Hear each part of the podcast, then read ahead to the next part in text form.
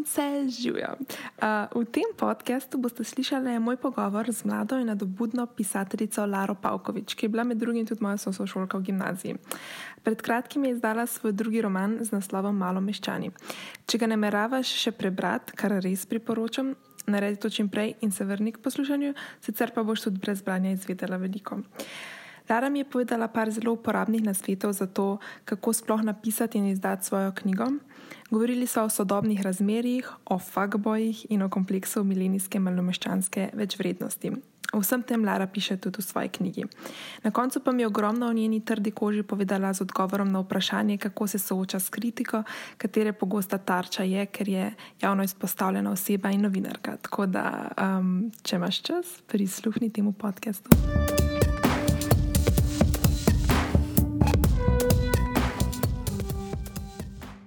Živijo, Lara, kako si kaj? Ja, čau, Ana Marija, v redu, pa ti. Uh, tudi fajn. um, mi te imamo danes tukaj, zato ker si napisala eno fajn knjigo z naslovom Malo meščani. To je tvoja druga, drugi roman. Uh -huh. um, pa me zanima, če bi lahko dala en tak majhen povzetek, o čem gre ta uh, knjiga. Ja, to je v bistvu pripoved, v osnovi pripoved o um, ljubljanski družbi višjega srednjega razreda. Um, ma pa ta pripoved tudi uloženo zgodbo in sicer ljubezensko razmerje med glavno junakinjo Anjo, uh, zelo uspešno mlado dekle, ki dela v marketingu, uh, in umetnikom, glasbenikom Bojanom. Um, to razmerje pač na neki točki rata zelo destruktivno. Eh, hkrati pa spremljamo še Anine odnose z sodelavkami in ostalimi ljudmi, ki nekako krojijo njen družbeni svet, eh, njeno pohajkovanje po zabavah, malo se nam odstira tudi njena družinska preteklost, tako no, na kratko, da ne bom povedala preveč. Mm -hmm. Ti si zdaj v nekaj letih izdala kar dve knjigi. Eh, tako da me prvo zanima, kako sploh napišeš knjigo, kako si se spravila do tega, da si se lotila izziva napisati tok strani fiktivne pripovedi? Ja, to je dobro vprašanje, ki v bistvu mi ga večkrat postavlja, seveda, ne, ker vse zanima, kako napisati knjigo. Pa mislim, veliko ljudi mm -hmm. eh, rado piše. Ne, in je to velikrat vprašanje, potem pa tudi, kako to knjigo izdati. In sama, ki sem že toliko let nekako peta v ta proces, oziroma v literarnih krogih, že kar pozabljam na to, kako težki so bili moji začetki. Um, ampak, kar se tiče te želje po pisanju knjige, to nimam pojma. To je bilo, po moje, v meni že od zelo mladih nog. No. Začela sem pisati hitro, tam v vrtec, začetek osnovne šole, uh, ker sem pač, um, se pravi, tista leta, preden sem šla v vrtec, sem preživljala pri babici, ona je bila učiteljica mhm. včasih uh, in je hitro opazila, da pač imam rada knjige, tako da me je nekako spodbujala v tej smeri. Um, in potem, seveda, v osnovni šoli pišeš, se tu je marsikdo, potem v gimnaziji še naprej pišeš spise in vse ostalo. Ampak um, potem sem šla logično študirati primerjalno ja. književnost ja. in vse čas je bila prisotna ta nekakšna želja po knjigi. Um, Kdaj sem se pa jaz potem odločila, da bom knjigo tudi za res napisala, to pa tudi težko rečem, uh, zaradi tega, ker poletje v gostilni, moja prva izdana knjiga, ni bila za res prva knjiga. Mhm. Sem imela že v osnovni šoli in v gimnaziji neke poskuse, ki so bili dokončani, pa potem ne izdani. Um, ampak, ja, no, se pravim, že večkrat sem to ponovila, tako da bom še zdaj nek tak naraven proces je bil, v katerem težko um, določim točke. um, kdaj si recimo dobila idejo za to uh, najnovejšo? Samo malo meščane. Ja. Um, kar hitro po izdaji poletja v gostilni, mislim, da nekaj mesecev potem, ko je tista knjiga išla, sem jo že začela zbirati ideje za mhm. novo. Um, ampak sem najprej mislila, da bo šlo za zbirko kratkih zgodb o malomeščanskih likih. Um, potem sem pa pač na neki točki, tudi s pomočjo urednika na Beletrini in nekih drugih tesnih bralcev, uh, ugotovila, da so si liki v nekaterih teh zgodbah precej podobni in da bi mogoče bolj funkcion boljše funkcionirali v romanu, pa tudi da mi roman kot sama forma bolj leži. Uh mhm. -huh. Tako da rekla bi, da je bila prva ideja tam nekje poleti 2017. Um, potem osnutek, oziroma prva verzija romana je bila pa dokončana konec poletja 2018. Uh -huh. Torej, no, Ja. eno leto. Ja, je ja, ja. zdaj. Um, pa v bistvu do čist finalne ideje si prišla s tekom pisanja. Ja. Ni tako, da si na začetku že točno vedela, kaj hočeš povedati, kako hočeš povedati, se to bolj razvija medtem, ko pišeš. ali? Ja, neko ogrodje moram imeti. Tudi tukaj sem ga imela, ker je bila ena kratka zgodba od teh, ki so pač Mhm. prej nastale. Um, nekako, uh, kako bi se rekel, okvir te kratke zgodbe je enak okvir, ki je pač zdaj v romanu. Um, ampak ja, ve, večino teh fines, ki so pa pri knjigi tako ali tako najbolj pomembne, pa dobim med samim pisanjem. Uh, nisem pač, vem, da marsikdo tako piše, no, tudi pogovarjam z ljudmi, ampak jaz nisem ena tistih oseb, ki imajo veš tisto mrežo likov in dogajanja Ne. narejenega na papirju. Ne, ne morem tako Ja. funkcionirati. Um, kako pa si v bistvu prišla do tega, da si izdala prvo knjigo? Ja, no, tle smo pa zdaj pri tem vprašanju, kako izdati knjigo. Ker bom še enkrat poudarila, da ni lahko to pri nas, pa moraš imeti precejšno srečo. Eh, Jaz sem, kot sem že omenila, šla študirati primerjalno književnost in pol, ker sem vedela, da um, brez um, dejavnega, mislim, udejstvovanja na tej sceni Mhm. tekom študentskega življenja ne bo nič. Um, sem se hitro pridružila kolektivu um, pač kulturnega uredništva Koridorja, to je Mhm. spletni p- kulturni portal, verjetno ga poznaš. Uh, sem potem tam pač začela s prvimi kritikami, prvimi objavami, tudi spoznala ljudi, ki so me usmerili, pač poznala več um, ljudi na kulturnem področju. Um, ja, in potem sem ravno prek tega, da sem si s temi objavami nekako gradila zelo mehko, ampak kljub vsemu pač prepoznavnost. Um, prišla do tega, da je pač založba Beletrina, ko sem poslala tja um, rokopis, ga tudi dejansko prebrala. Ne? Ker nažalost je tako, no, meni se zdi, da je veliko potencijalov tudi izven naše scene, ne zdaj literarne, Mhm.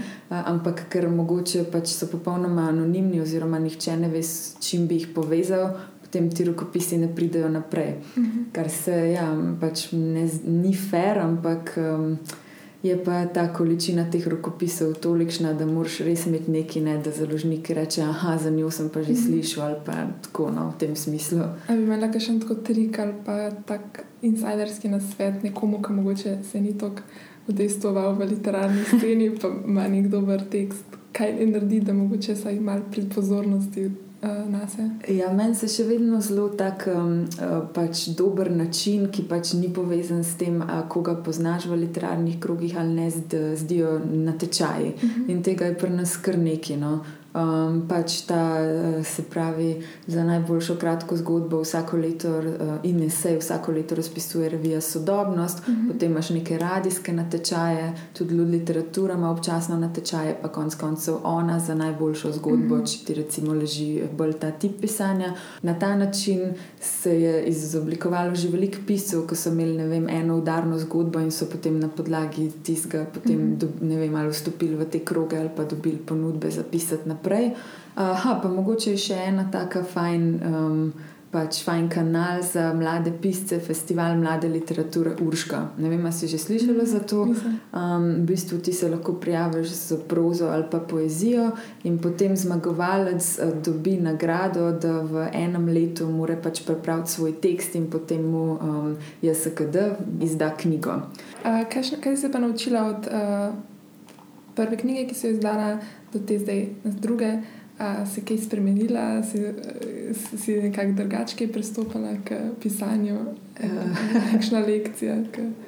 Ja, mislim, fuh, um, po mojem, tako z vsako knjigo štartaš na novo, ne, Mhm. ker je pač seveda materija, ki jo um, obdeluješ, čist druga.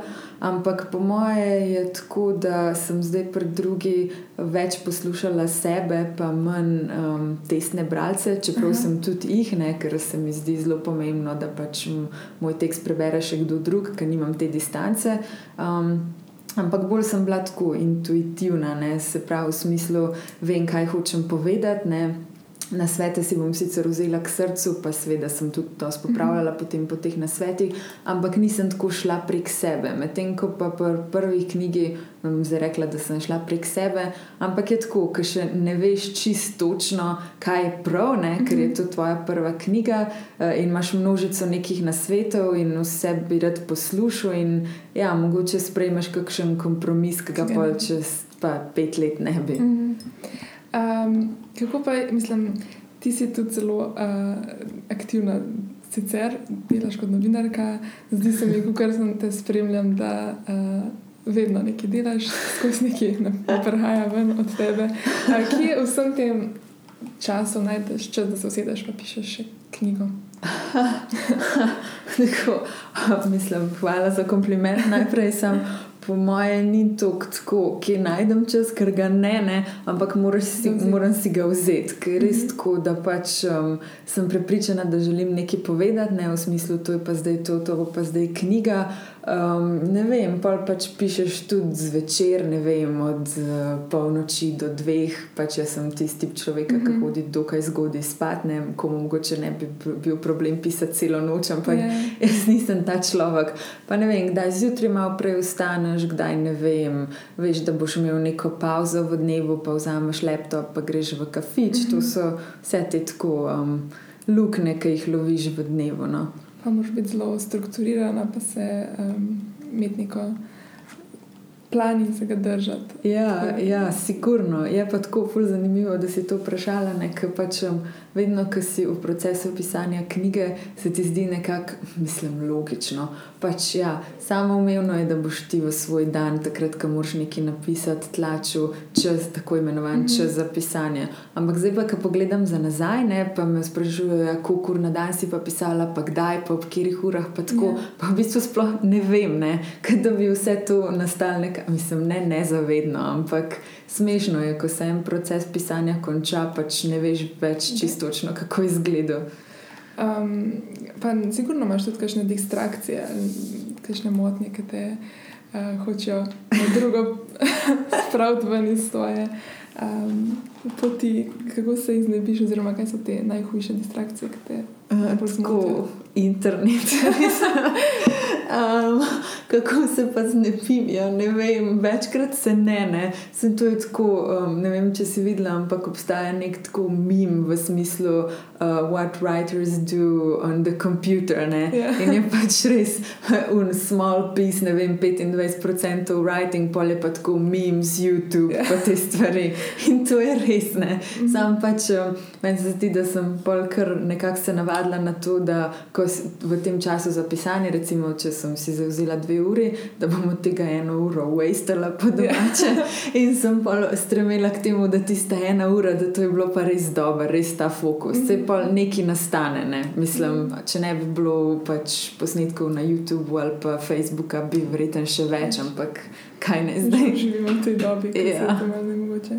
Se časih dam tisto, kar si lahko zablokiraš po internetu medtem ko sem se učila, ali pa tudi, ko pišem kaj, sem prav vedno najdel ja. način, kako zaobidem to. Točno to, tudi, tudi jaz sem to že poskušala, pa ne vem, prosila sem kaj, zvem sestro, da mi je odnesla telefon v sobo, mm -hmm. da nisem Instagrama čekirala vsako minuto, ampak pa si pripričan, da boš dobil tako res pomemben mail ali pa neki in pa skozi hodiš pregledovati in je še huj, kot če bi imel telefon dejansko na mizi. Mm um, Zdaj pa tako zanima, če gre kar k tvoji knjigi.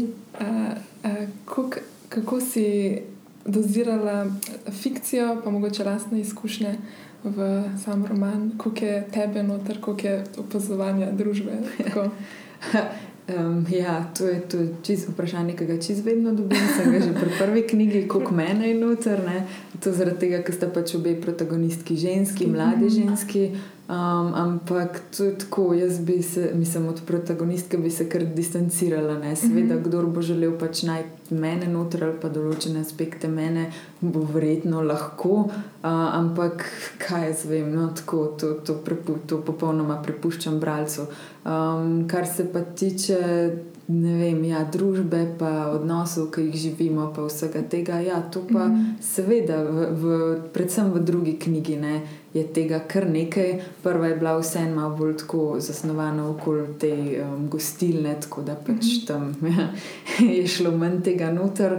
Um, ampak tukaj pa, ja, gotovo se najde kaj resničnega, vsaj kakšen dialog. Mm -hmm. Pa je navdih prišel iz v bistvu opazovanja družbe? Največ. Ja. Ja. Ko smo jih prvi na vdihu, kako ti čakaš na navdih ali ga pač aktivno poiščeš? Ha, Po moje, ja, ne eno, ne drugo. No. Recimo, moram se odločiti, da bom iskala, oziroma pač recimo odločiti, da bom pisala nekaj novega. Ne. Um, ampak sem pa se naučila, da forsiranje ni nikoli dobro. Mm. Uh, tudi če se pač jaz recimo odločim, da okay, zdaj na tej točki pa začnem pisati tretji roman. Um, obstaja verjetnost, da bom štiri mesece pisala zelo slabe stvari. Tako da tudi, ko si v tej fazi, ko pišeš, se mora nekaj zgoditi, pač nek klik, da res zalaufa. Ampak ne znam pa povedati čisto točno, kaj ta klik je, mogoče nek dogodek, mogoče res pač neki v družbi te pretrese do te mere. Tako, no. Najbrž je to odvisno pri vsakem človeku. Mm. Kako pa tudi, da te je ta tema tako pritegnila? Malo meščanstvo, mm -hmm. misliš. Um, Ja, zelo, vedno sem pač um, rada brala knjige, ki se ukvarjajo z visoko družbo ali pa ne vem, ljudmi, ki bi radi bili visoka mm -hmm. družba. Zelo me zanima ta, kako bi se rekel, družbena hierarhična lestvica. To je v bistvu moj najljubši pisatelj Marcel Proust. Mm -hmm. um, v svojem monumentalnem ciklu iskanja izgubljenega časa zelo dobro obravnava to uh, francosko visoko družbo in se tudi tako subtilno norčuje iz nje. Dobro, seveda to ni mm -hmm. njegova um, edina tema v tem ciklu, ampak že ko sem prvič brala, so me te njegove nekakšne opisi in analize teh odnosov zelo skoraj da najbolj pritegnili. Pa pa tudi ne vem, ostale knjige s, s podobnimi motivi. Mm -hmm. Pol bi rekla, da si del malomaščanske družbe. Kakšno hvaležno vprašanje. ja, mislim, ja, glede na to, da sem ljubljančanka, ne bi rekel, da mogoče že v osnovi spada med malomeščane, ampak itak malomeščanstvo lahko razumeš na dva načina. Ne. Eno je, da pač spadaš v nek mestni, višji, srednji razred, uh, drugo je pa, da pač imaš to malomeščansko mentaliteto, ki jo pa jaz mhm. razumem kot ljudi ki so blazno obsedeni in s tem svojim statusom, tem, kaj si bodo drugi mislili o njih, hkrati pa pač so tako um, okupirani s sabo, da, da jih nič drugega v bistvu ne zanima. Ne? In vse mhm. te afere, odnosi med njimi dobijo tako um, zelo groteskno razsežnost, kar se vidi tudi v tem primeru Aninega in Bojanovega mhm. odnosa, ki je pač to, ko ona eno leto razmišlja samo o tem. Um, Zakaj misliš, da so punce, recimo, ok, uh, Anja je predstavnica meščanske družbe, ampak je tudi ženska v tem um, svetu? Zakaj se, mislim, ko sem izbrala to knjigo, sem videla noter in sebe, in ogromno mojih prijateljic in mhm. znank, za katere sem slišala. In se mi je bilo kar en tak mal žalosten trenutek, ko se iz take neke objektivne perspektive zavem, uh, kakšno življenje dejansko živimo. Mm. Zakaj bi rekla, da. Um, se nam to na, do take mere dogaja, da se pustimo znajti v neki mm, manipulaciji. Toksični zvezi, to misliš. Ha. Ja, v bistvu enoznačnega odgovora na to nimam, ne seveda, um, ker pač te zveze vsaka kompleksna na svoj način.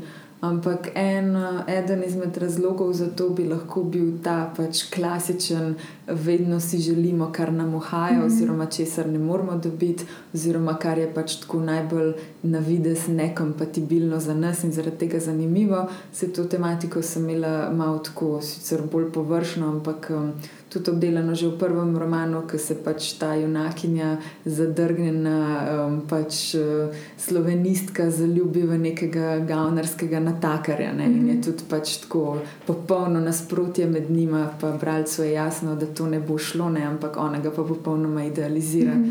Um, ja, to.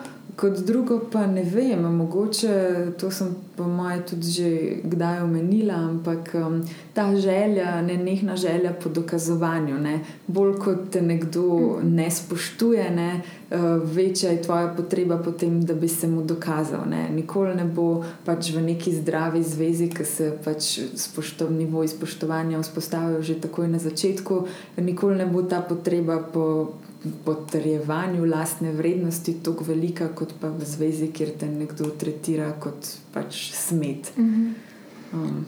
Mogoče zanimiva ta primerjava tega, te želje ali pa celo zahteve, da te svet spoštuje, če se sam v resnici ne mislim.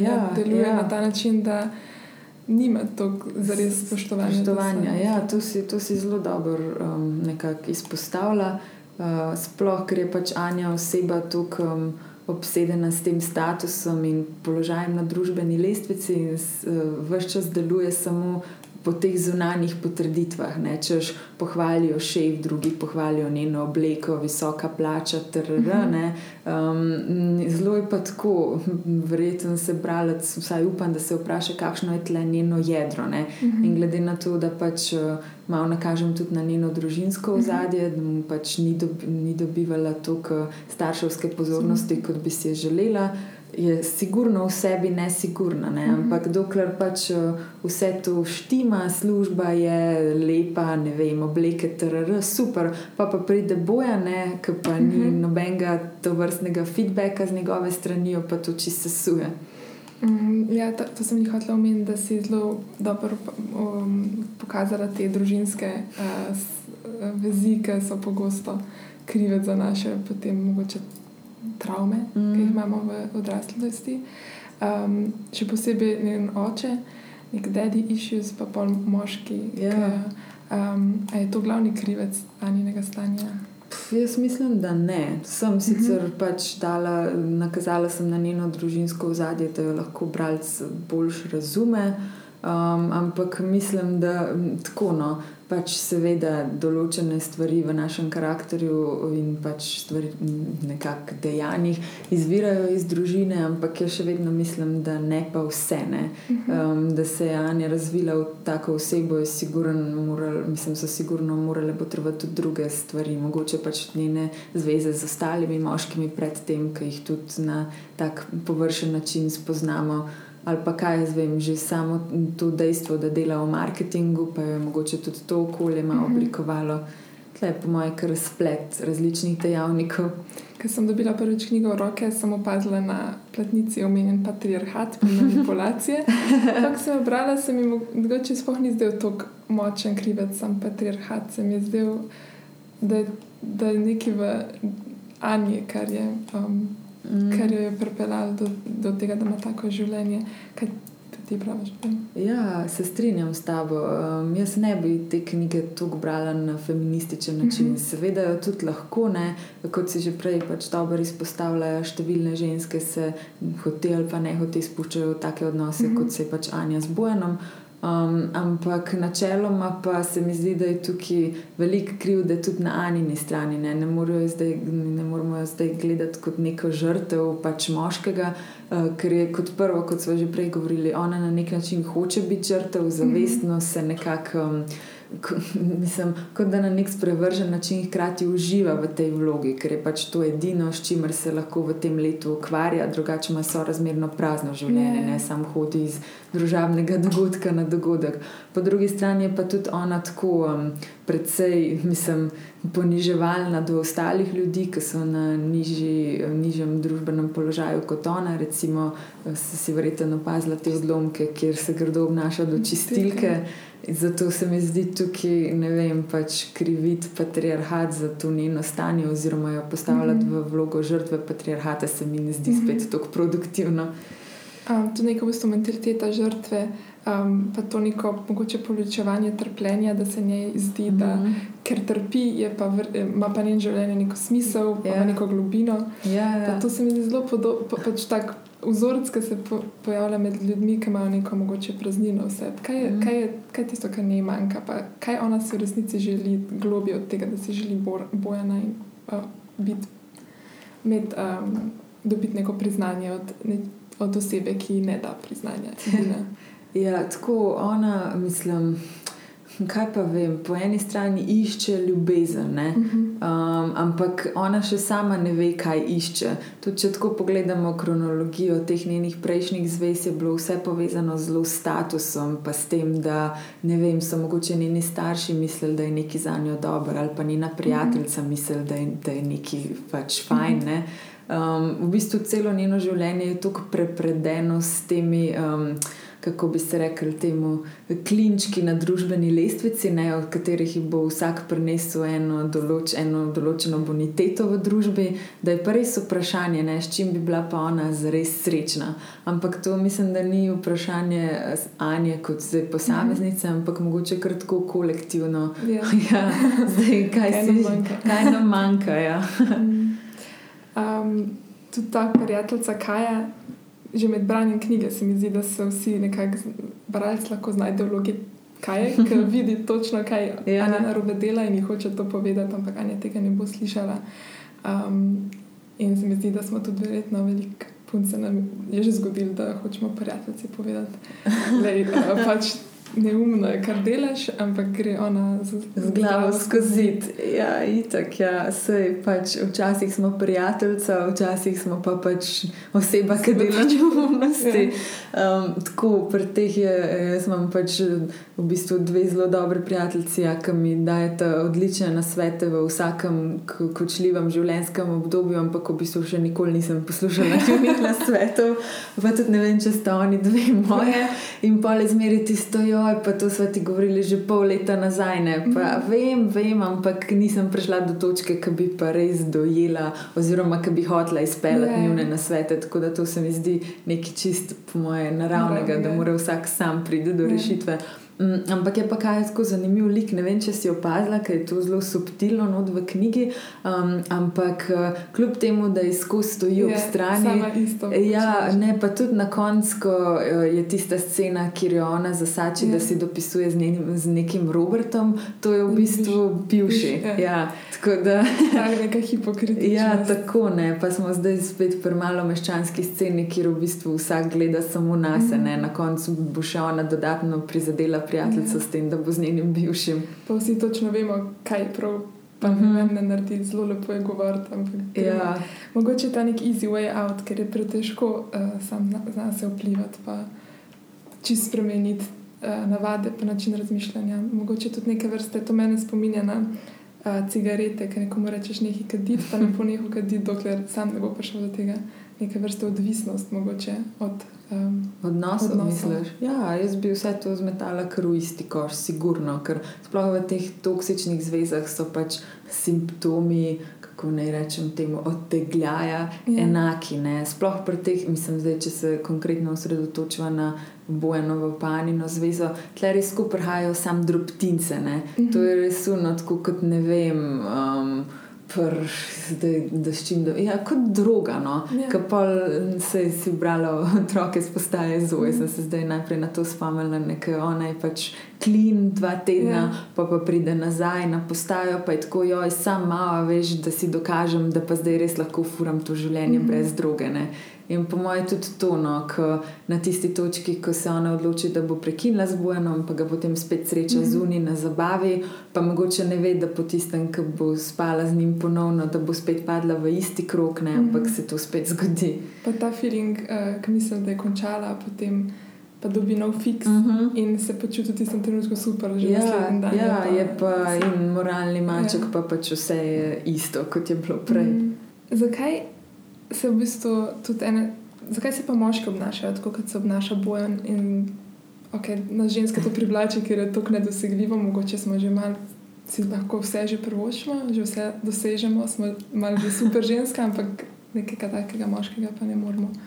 Ne, ujeti. Pa se tukaj zdaj jaz ne bi pretirano um, pač krivila bojena ne, za to, kar se dogaja. Pač ja, dušbe, glikne, Ja. kaj je grdo rečeno, ampak on ne bi tako izkoriščal te svoje pozicije, če mu ne bi um, Anja tega dovoljevala. Ja. Tako da tukaj je krivda na obeh straneh. ne.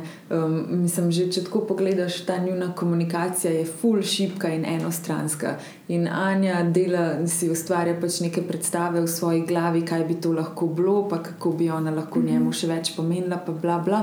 Ampak ona ničesar od tega z njim ne skomunicira. Ja. Ja, To je tudi en tak zelo pač skovoren element. Ne? In pol se lahko vprašamo, ali on to sploh ve. Mislim, lahko da ve, pa mu je v bistvu sedela neumnega, ker mu je v interesu, mm -hmm. da situacija ostaja taka, kot je. Mm -hmm. Ampak kaj pa če ne ve? Ne? In pol je, da odgovorim na tvoje vprašanje, pač, zakaj bojem to dela, ker lahko. Ja. Pač, Komu noben ni postavil nobenih meja, ne pač to je samo uno poteganje situacije, kar Ja. lahko, dokler traja. Pa čeprav, da ne bomo zdaj tako preveč Poslušvali, ja. poslušvali, sigurno obstaja kakšna obrnjena situacija. Ja, ne. Zdaj ne vem, nek um, moški, ki si pa želi ljubezni, pa resne zveze, pa ga pač Mhm. kakšna ženska obrne tako, kot je bojo obrnil Mhm. Anjo. Sam res pa je, da vsaj kar se ne vem, mojih socialnih krogov tiče, poznam več žensk, ki se jim dogajajo take stvari kot so se Ani. Torej, v bistvu to, da ne skomuniciraš svojih standardov in da pustiš. Ja, jaz mislim, da je to ključen problem. No, to, sploh tle v tem primeru je posebej triki, ne, ker ona dva imata one night stand in potem se te zadeve kar začnejo razvijati. Ja. In pol kdaj boš skomuniciral te Ja. stvari, se jih ne moreš. Ne? Ampak um, finta je v tem, da smo zelo preveč previdni okoli ljubezenskih mm. -hmm. zadev. Sploh ne vem. Um, Kaj pa vem, ženske mogoče velikrat probamo uh, vzdrževati ta kul cool imidž, sploh mm -hmm. Mhm. v odnosih, kjer je jasno, da mogoče ne bo prišlo do resne zveze, vsaj ne še na začetku. In ja, jo, pa se meni je pa tudi to v redu, pa Ja. bla bla, ne, pa je jasno, da ji ni, ampak tega ne bo nikoli povedala. Ja. To je tudi, kar jim končno pove proti koncu knjige. Mhm. In jo šokira, kako on nazaj reagira.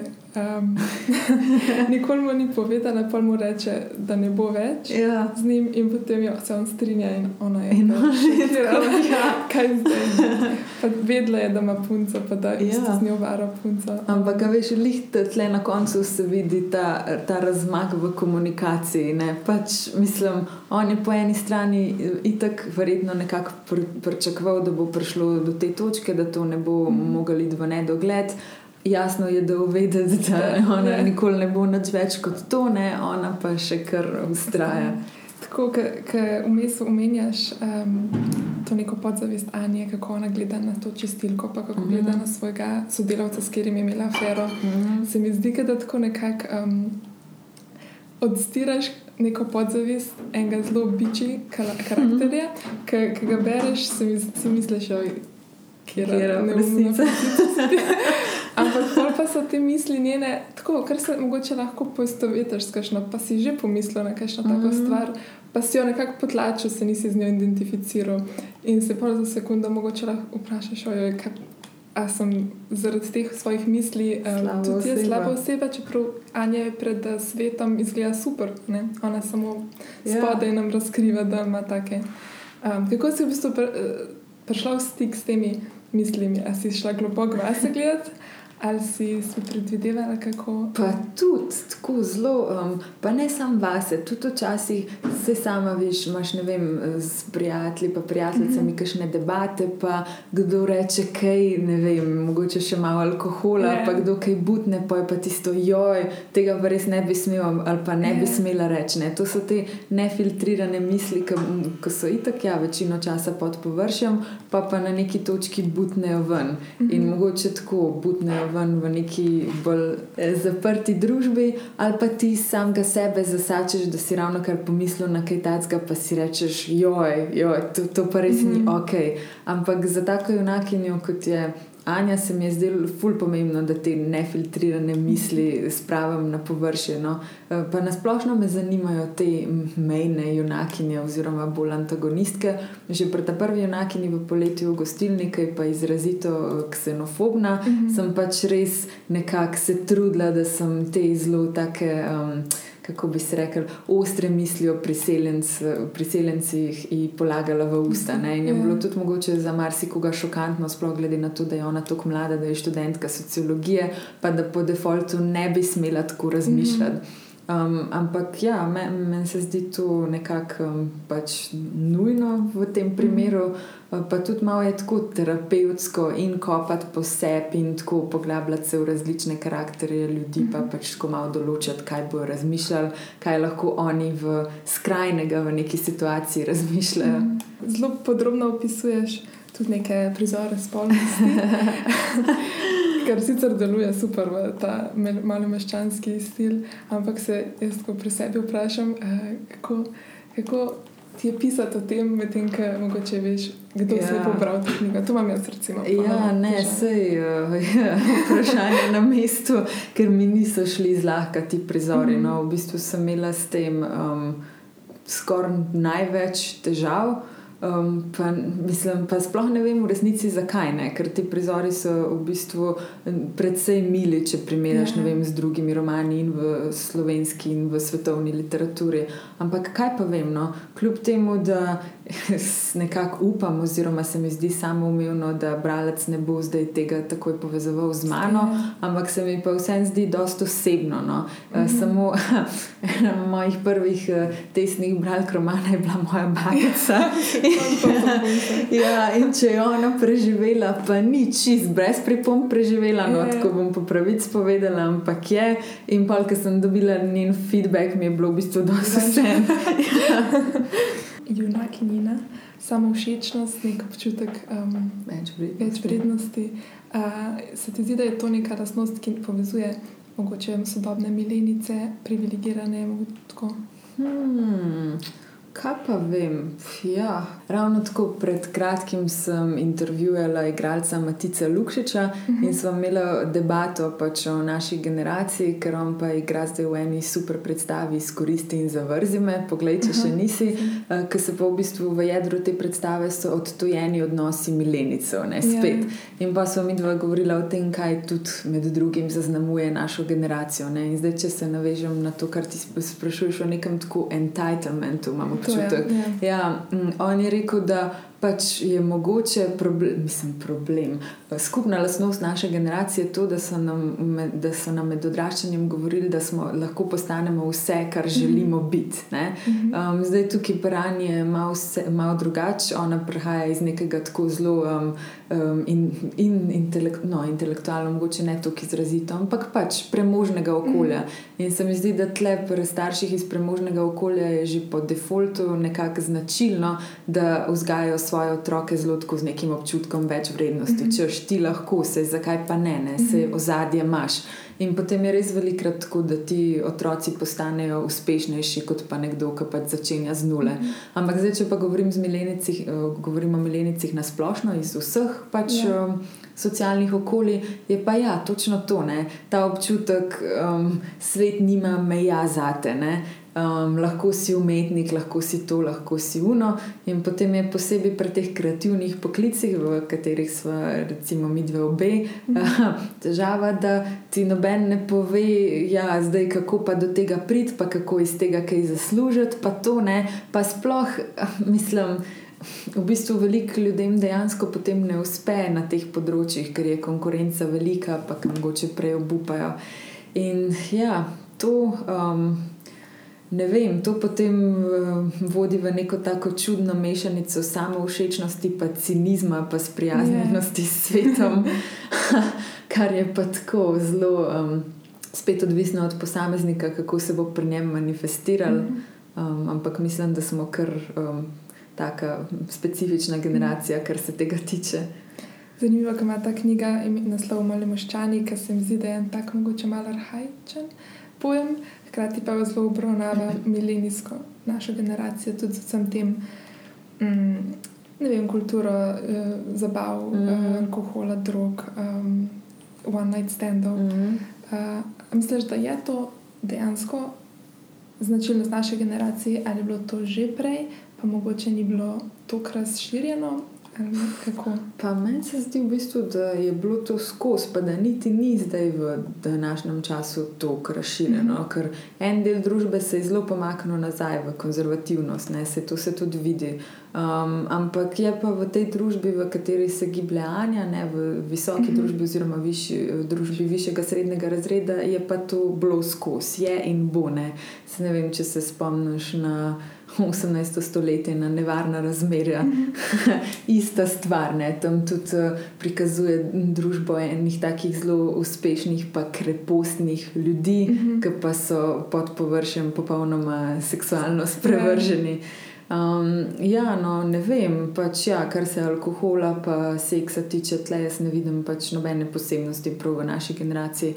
Ampak kar se drog, to pa mogoče ja, tle pa opažam porast. No. Mm -hmm. Saj spomnim se, ko smo mi bili v gimnaziji je bilo že no, ne lih ne navadno, ampak si pač za drugiranje smatral to, da vsaj naš razred, ki bi imel bolj piflerski, da nekdo kadi travo. Um, zdaj pa je res, ne vem, kokain je postal nekaj popolnoma mhm. običajnega na praktično vsaki zabavi. Um, in tudi ne, noben več se ne spotika ob to. Ja, ne bom pretiravala, če pač rečem, da je to zdaj nova kava. Uh, jaz iskreno, mislim, jaz pač ne konzumiram drug, niti me ne mika to, ampak poznam pa dosti ljudi, ki ne in zdaj ne bi tako obsojala a priori, ker pač vidim, da kljub vsemu imajo lahko čisto kvalitetno življenje, mm. oziroma jih ne ovira.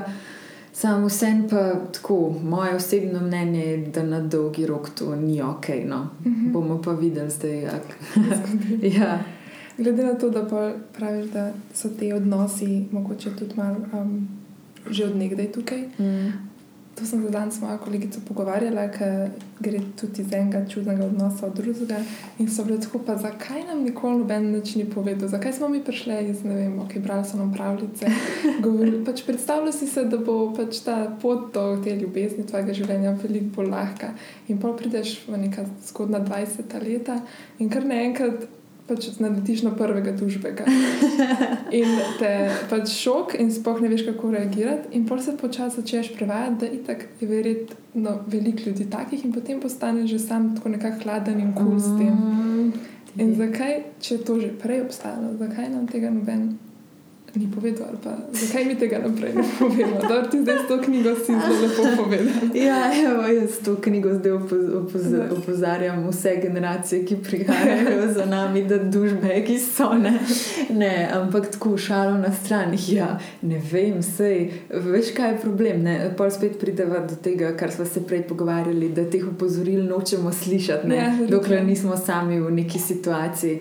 Um, ampak ne, pa sej, jaz ne bi bila tukaj um, črnogleda. Ne bom zdaj rekla, da je um, moje ljubezensko življenje ena, ena taka sekvenca pravljic, ki je daleč od tega, ampak poznam pa veliko ljudi, ki pa živijo res kvalitetne in tudi dolgoletne zveze. Ja. Tako da vidim, da se da. Ne? Sam je pa pol tle. Mm, mogoče čas malo specifičen z drugega vidika, ne, ne zdaj iz, iz tega, da pač ne vem, seksamo, pa pač ne vem, pijemo veliko alkohola, ja. pa konsumiramo druge, ampak to, ta bazen izbire. To ja. je bilo že tako fulkrat ponovljeno, pa res bom že klišejska s tem, ampak tudi te um, api za dating. Ja, ja.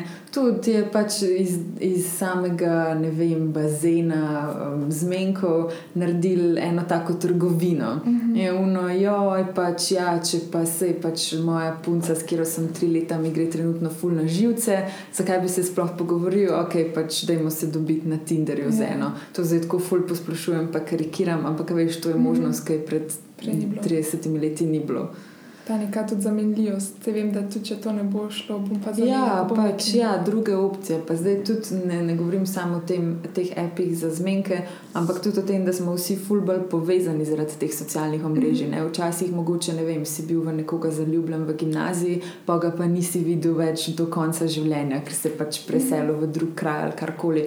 Zdaj pa je ta oseba verjetno del tvojega socialnega kroga in kaj zvem, govorim na pamet. Ti čez 15 let, ko si v resni zvezi z nekim fantom ponovno piše, pa si ti tako, joj, kaj pa če bi takrat bilo drugačne. Ja, ja. To so te neprijetne scene. Imamo mi tako zelo en članek o tem, da v bistvu, kukar se manj, um, kukar imamo cel širok nabor različnih sodobnih zvez in razmerij in imena za stojno stvar, da pa se um, tisti, ki se poročijo, pa se odločijo za te uh, zveze zavedno da se manj ločujejo, vsaj za enkrat, kot so se generacije prej. Tako da mogoče smo, smo malo samo spremenili način. Um, ja, da pa hočemo, da ko bo, bo pa res zahar. Ja, Kako si se uživela v morskički zorni kot te afere? Kaj imaš v mestu odpar, sicer so nekako skozi oči. Eh, ja, ne, ne. ne? Ja. Um, hm, ja, se je ravno to, je vprašanje, a sem vse. Ne? Mislim, da je odvisno, kako, boš, kako si to bralec interpretira. Mogoče bo kakšen moški bralec rekel, da, ne, da, da nisem dobro pogruntala njegove perspektive, ampak zaenkrat sem glede tega dobila kar pozitiven feedback. Ampak ravno to je, je bilo nekako tako varovalo teh odlomkov, da ti bralec spremlja boja, na kaj dela, ampak po drugi strani je pa pripovedovalka še zmeri Anja, uh mhm. -huh. kar pomeni, da je to v bistvu lahko njena fantazija. Ne? Ko uh mhm. -huh. ona ve, recimo, da je on v Parizu in potem je tista cela scena na letalu njega s punco, uh mhm. -huh. ki je pravzaprav popolnoma verjetna, uh, oziroma ne s punco, s tisto drugo žensko, uh -huh. glede na to, da vemo, kakšen žigolo je on. Uh, ampak glede na to, da pa vemo tudi, kako obsesivna je Anja, bi pa lahko šlo tudi v celoti za plodne domišljije. Mm -hmm. um, na koncu zgodbe je nek tak, proti koncu zgodbe, ja. če zadnjo, je ta uh, trenutek bojone večne nezvestobe, da on mm. pač ve, da ne bo nikoli nikomor zvest. Zakaj misliš, da je to varanje tako, ne se saj osebno zdi, da, se, da je ratalo mogoče kar neka norma, da je nekaj normalnega. Ja, če varaš, pač varaš. Jaz ne bi rada rekla, da je norma, ampak tako, kot se pogovarjamo s prijateljicami, pa to s prijateljicami iz različnih krogov in prijatelji, zdaj da ne bom tle krivična, uh, ugotavljam, da v bistvu ja.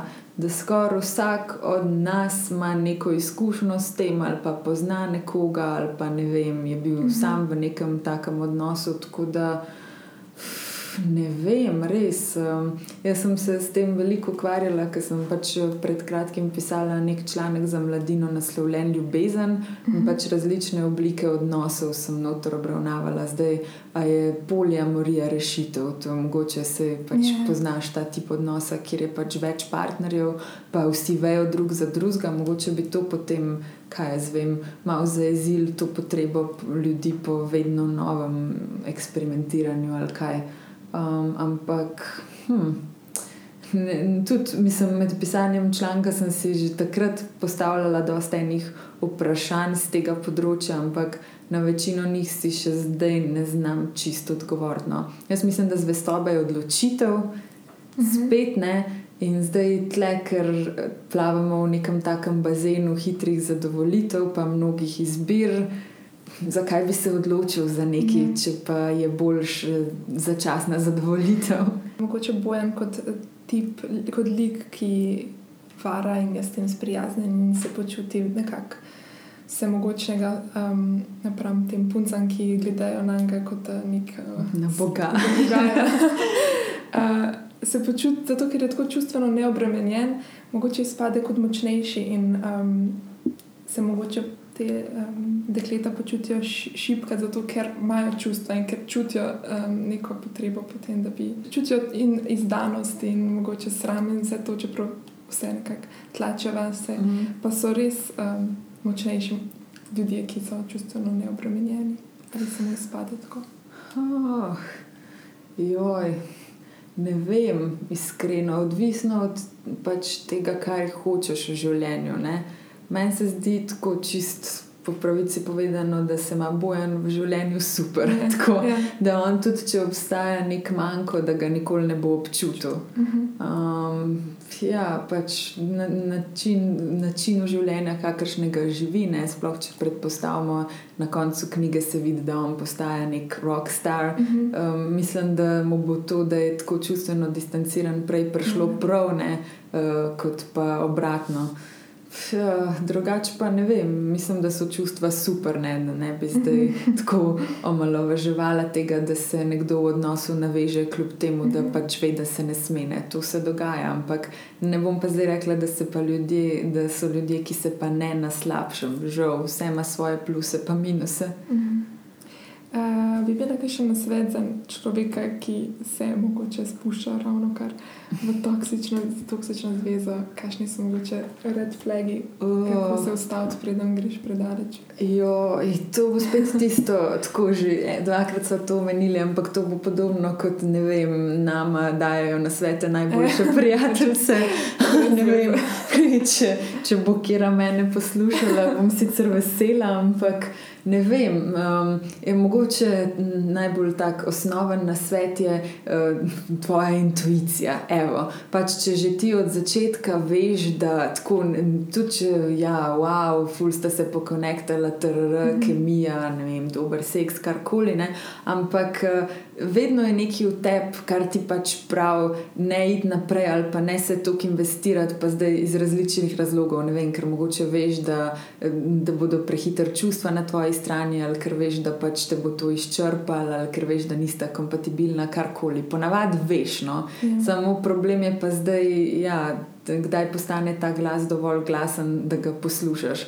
Samo tako, če že na začetku veš, da je tam, se ga splača slišati. Ker mhm. tako, um, ja, no, odnosi, ki so ok, pač pravilni, ne toksični, tam boš imel že od začetka čist drugačen občutek, kot ga imaš pač pri teh. Mm -hmm. To je vse, kar lahko rečem.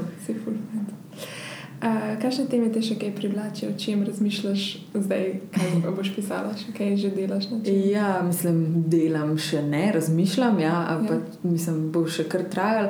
Ampak tako um, nasplošno me zanima, ja, kot sem že prej rekla, družba, odnosi med ljudmi, pa psihologija. Uh mhm. -huh. Zdaj, mogoče moja prva dva romana nista bila tukaj izrazito psihološka, je bilo bolj na teh pač površinskih odnosih vse zgrajeno. Um, ampak zdaj, pri tretjem, bi se pa rada malo bolj poglobila v psiho pač enega junaka, ne bom pa zdaj povedala, kakšen bo, ker to bi bilo malo preveč.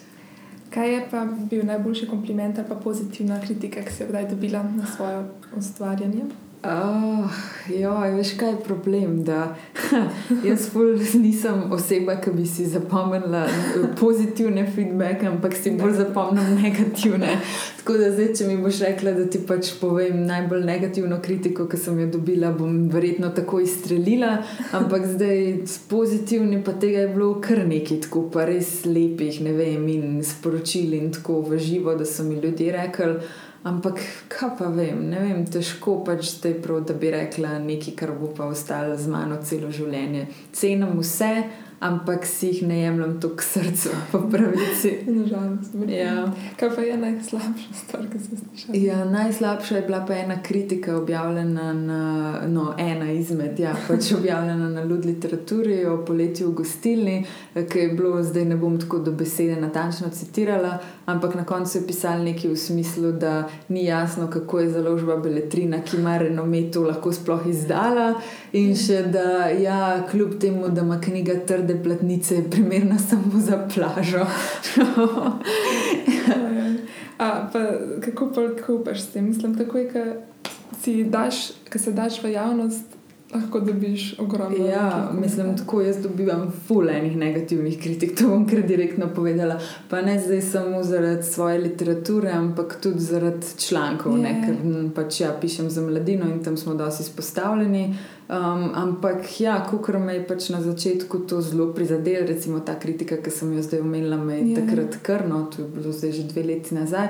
Ampak zdaj pa tako. Um, Res je, kar pravijo, ne pa če veš te na sveti izkušenih, ja, z leti dobiš trdo kožo, ne pa meni so vedno to govorili, pa sem si mislila, joj, pa ne veš, kako me je zdaj to prizadel. Ampak tako, če pogledam zdaj, kako sem se jaz razvila v dveh letih je full razlika. Mm -hmm. Še vedno te malo zbode, ampak zdaj sem se naučila, da vedno pogledam, odkot kritika prihaja. Mm -hmm. In te kritike, ki so tako posebej strupene, vedno prihajajo od ljudi, ki so tako ali popolnoma nekompetentni ali pa res zafrustrirani. Mm -hmm. Medtem ko pa tiste, ki so pa ja, negativne, ampak utemeljene, bodo pa vedno tako, kako naj rečem temu, dostojne. Mm -hmm. In ja, te bo malo prizadel, ampak po drugi strani boš pa razumel, da ti je človek hotel dobro dobro s tem, ko je pač neki iz, tazga napisal oziroma izpostavil. Tako da ja, s tem, da ločujem, odkot kritika prihaja, ne s tem naredim zelo velik. Uh, super, Lej, to je to. Hvala, da si prišla, ful mi je bilo zanimivo. Ja, tudi hvala tebi za zanimivo vprašanje. Pa, ja. Hvala še enkrat. Čau. Čau.